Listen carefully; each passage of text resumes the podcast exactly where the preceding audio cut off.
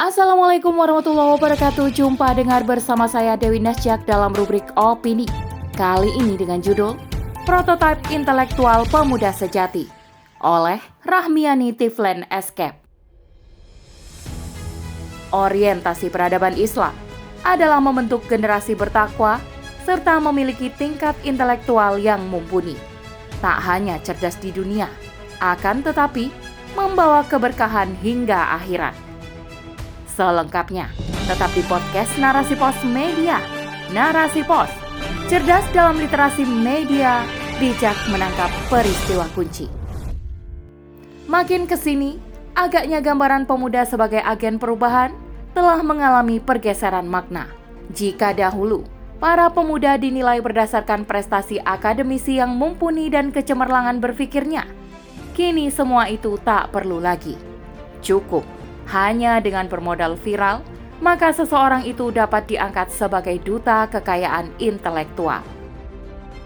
Sebagaimana Menteri Hukum dan HAM Yasona Lauli, ia telah mengumumkan pengangkatan penyanyi cilik Farel Prayoga sebagai duta kekayaan intelektual usai menghibur presiden, para menteri, dan pejabat publik lainnya di Istana Negara. Dikatakannya, pengukuhan Farel Prayoga sebagai duta kekayaan intelektual akan dilaksanakan pada malam perayaan Hari Dharma Karyadika Kementerian Hukum dan HAM. Sebelumnya, Farel Prayoga menjadi perbincangan publik usai meramaikan upacara hari ulang tahun ke-77 Republik Indonesia di Istana Merdeka. Adapun Presiden Jokowi dan Ibu Negara tampak berseri-seri seraya bertepuk tangan sembari berjoget ria dari atas podium bersama sejumlah menteri, jenderal, dan para pejabat publik serta tamu undangan lainnya. Tak jauh berbeda, hal serupa juga pernah dialami Bonge selaku ikon Citayam Fashion Week yang pada saat itu didaulat menjadi duta kejaksaan hingga diimingi sejumlah uang. Jadi benar adanya, makin ke sini, gambaran pemuda sebagai agent of change sudah banyak mengalami perubahan makna. Jika dahulu, para pemuda lebih identik dengan berbagai capaian prestasi, baik itu dalam bidang akademis maupun dalam proses kecemerlangan berpikirnya, kini semuanya tak perlu lagi. Cukup dengan viral, langsung bisa jadi duta intelektual. Tak dimungkiri, bobroknya generasi saat ini dipengaruhi pola oleh kegagalan sistemnya, sehingga dari sanalah wajah peradaban itu terbentuk. Dalam masyarakat sekuler kapitalis yang senantiasa memisahkan Islam dari kehidupan manusia, maka orientasi hidup hanya berkisar pada materi semata. Tak pelak, hal itu pun ikut terbawa hingga pola pendidikan hari ini, di mana komersialisasi adalah ciri khasnya. Belum lagi proses transfer ilmu atau belajar mengajar yang hanya didapat saat siswa-siswi berada di dalam kelas, dan ketika telah selesai belajar, ilmunya pun tak dapat digunakan sebagai panduan dalam kehidupan, sehingga Hal tersebut terkesan membosankan. Belum lagi menjelang ujian akhir, para pelajar hanya terfokus pada capaian di atas kertas, sehingga mereka mengupayakan berbagai macam cara, termasuk menyontek, agar bisa meraih nilai tertinggi. Persoalan tak sampai di situ saja. Justru setelah lulus sekolah, sulit rasanya bisa masuk ke perguruan tinggi. Sebab, lagi-lagi, pendidikan tinggi hari ini telah menjadi ajang bisnis kalau punya banyak uang, baru bisa kuliah. Jika tidak, mending mundur teratur. Tetapi sebenarnya mahalnya biaya perkuliahan pun tak menjamin seseorang itu mudah mendapat pekerjaan. Sudahlah kuliah mahal, kerja pun tak ada jaminan. Dari sanalah terbangun mindset untuk apa sekolah tinggi kalau toh tak menghasilkan cuan yang banyak. Mending jadi penyanyi atau youtuber atau viral di sosmed yang memungkinkan dapat di-endorse. Hitung-hitung, jadi terkenal dan uang pun mengalir, bahkan diapresiasi sebagai duta nasional. Itulah gambaran pemuda dalam sistem sekuler kapitalisme. Berbeda dengan profil pemuda dalam Islam, yang optimalisasinya dilakukan atas dasar tanggung jawab bersama.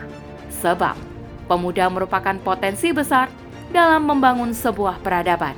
Untuk itu, agar dapat memiliki banyak pemuda yang berkualitas, tentulah hal tersebut menjadi cita-cita suatu bangsa.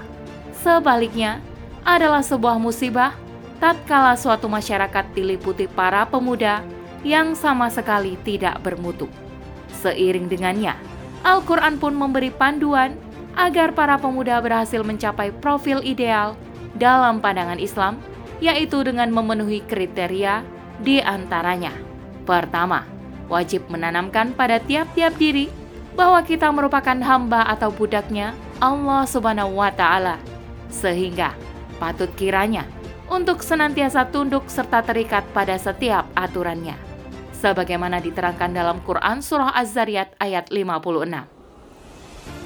Kedua, memiliki rasa tanggung jawab, sebab kita pun adalah bagian dari para pemimpin bertakwa. Sehingga apa pun peran kita dalam kehidupan ini, hendaklah digunakan dalam rangka menyempurnakan ketaatan kepada Allah Subhanahu wa taala. Hal itu diterangkan dalam Quran Surah Al-Baqarah ayat 30 dan juga Quran Surah Al-Furqan ayat 74. Ketiga, senantiasa menjaga diri agar tetap menjadi seorang muslim atau muslimah yang sikoh dan tidak silau oleh gemerlapnya dunia. Seperti termaktub dalam Quran Surah An-Nisa ayat 9 dan juga Quran Surah Ar-Rum ayat 30. Keempat, dengan mendalami Islam, maka diri kita akan menyadari bahwa untuk mengembalikan peradaban menjadi cemerlang, maka wajib kiranya menetapkan diri menjadi para pengemban dakwah, di mana para pengemban dakwah ini selalu menyeru pada amar ma'ruf nahi mungkar.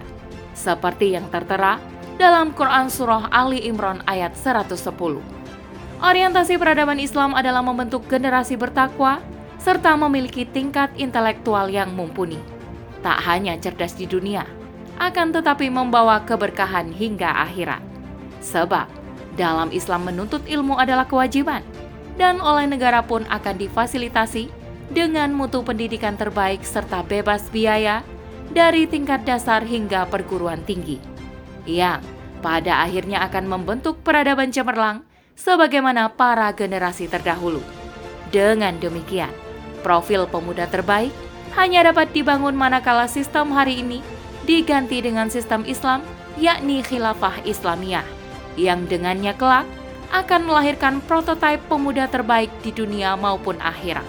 Rasulullah Shallallahu Alaihi Wasallam bersabda, "Sebaik-baik manusia adalah masaku, lalu orang-orang sesudah mereka, kemudian orang-orang sesudah mereka.